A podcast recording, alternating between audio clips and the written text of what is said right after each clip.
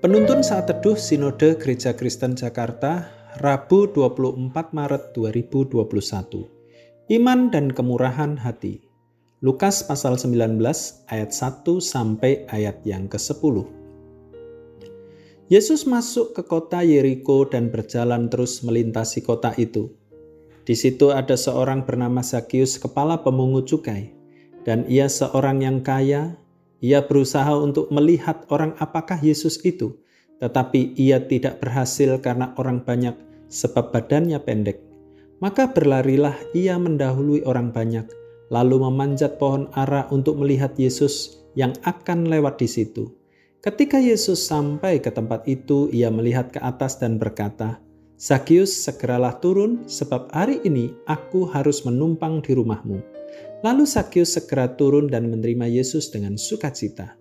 Tetapi semua orang yang melihat hal itu bersungut-sungut katanya, ia menumpang di rumah orang berdosa. Tetapi Zakius berdiri dan berkata kepada Tuhan, Tuhan, setengah dari milikku akan kuberikan kepada orang miskin, dan sekiranya ada sesuatu yang kuperas dari seseorang, akan kukembalikan empat kali lipat. Kata Yesus kepadanya, Hari ini telah terjadi keselamatan kepada rumah ini karena orang ini pun anak Abraham, sebab anak manusia datang untuk mencari dan menyelamatkan yang hilang. Pada zaman Tuhan Yesus, bangsa Israel sedang dijajah oleh bangsa Romawi. Bangsa Romawi dengan sengaja membebankan pajak kepada setiap wilayah jajahannya. Ini membuat masyarakat di wilayah jajahannya menjadi miskin satu-satunya pekerjaan yang bisa mengumpulkan uang banyak pada saat itu adalah menjadi pemungut cukai. Pemungut cukai adalah kaki tangan bangsa Romawi. Seorang pemungut cukai diperbolehkan untuk menagih melebihi yang ditargetkan dan sisanya akan masuk ke kantong pribadi. Inilah yang menyebabkan mereka dibenci semua orang. Sakius bukan seorang pemungut cukai biasa, melainkan dia kepala pemungut cukai. Jabatannya membuat dia menjadi orang terkaya di Yeriko. Namun dia juga banyak dibenci orang dan disebut orang berdosa. Waktu Yesus datang ke Yeriko, Zakheus sangat ingin melihat Yesus. Namun dia tidak mampu melihatnya karena badannya pendek.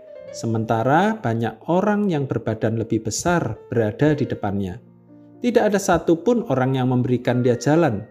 Akhirnya dia berusaha naik ke atas pohon ara Tindakan seperti ini pada zaman itu bisa mengundang ejekan, sebab Zakius telah merendahkan kehormatan dan martabatnya sendiri. Keinginan yang kuat untuk bisa melihat Yesus tidak membuatnya malu untuk naik ke atas pohon. Ada dorongan ilahi dari dalam hati Zakius untuk melihat Yesus dan menerimanya dengan sukacita.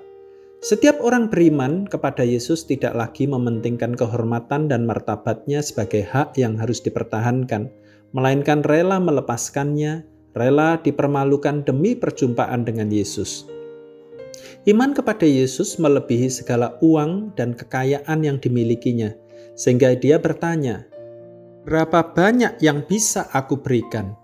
Dia sadar secara keuangan dia kaya, tetapi secara kerohanian dia miskin di hadapan Tuhan. Namun kehadiran Tuhan dalam hidupnya memperkaya jiwanya. Sama halnya dengan Zakius. Kehadiran Tuhan dalam hidupnya memperkaya jiwanya. Hal ini terlihat dari buah pertobatannya. Jika dahulu dia sangat serakah dan uang menguasai jiwanya, kini di dalam Kristus dia sangat murah hati dan uang digunakan untuk memberkati sesamanya. Karena Sakius sudah menerima kemurahan hati Allah di dalam Kristus Yesus, maka dia digerakkan oleh roh Allah untuk bermurah hati kepada sesamanya. Demikian juga kita yang telah menerima kemurahan hati Allah di dalam Kristus Yesus, kita pun digerakkan oleh roh Allah untuk bermurah hati kepada sesama kita. Dengan demikian Allah dimuliakan. Kemurahan hati yang sejati muncul dari hati yang telah merasakan kemurahan Allah. Tuhan Yesus memberkati.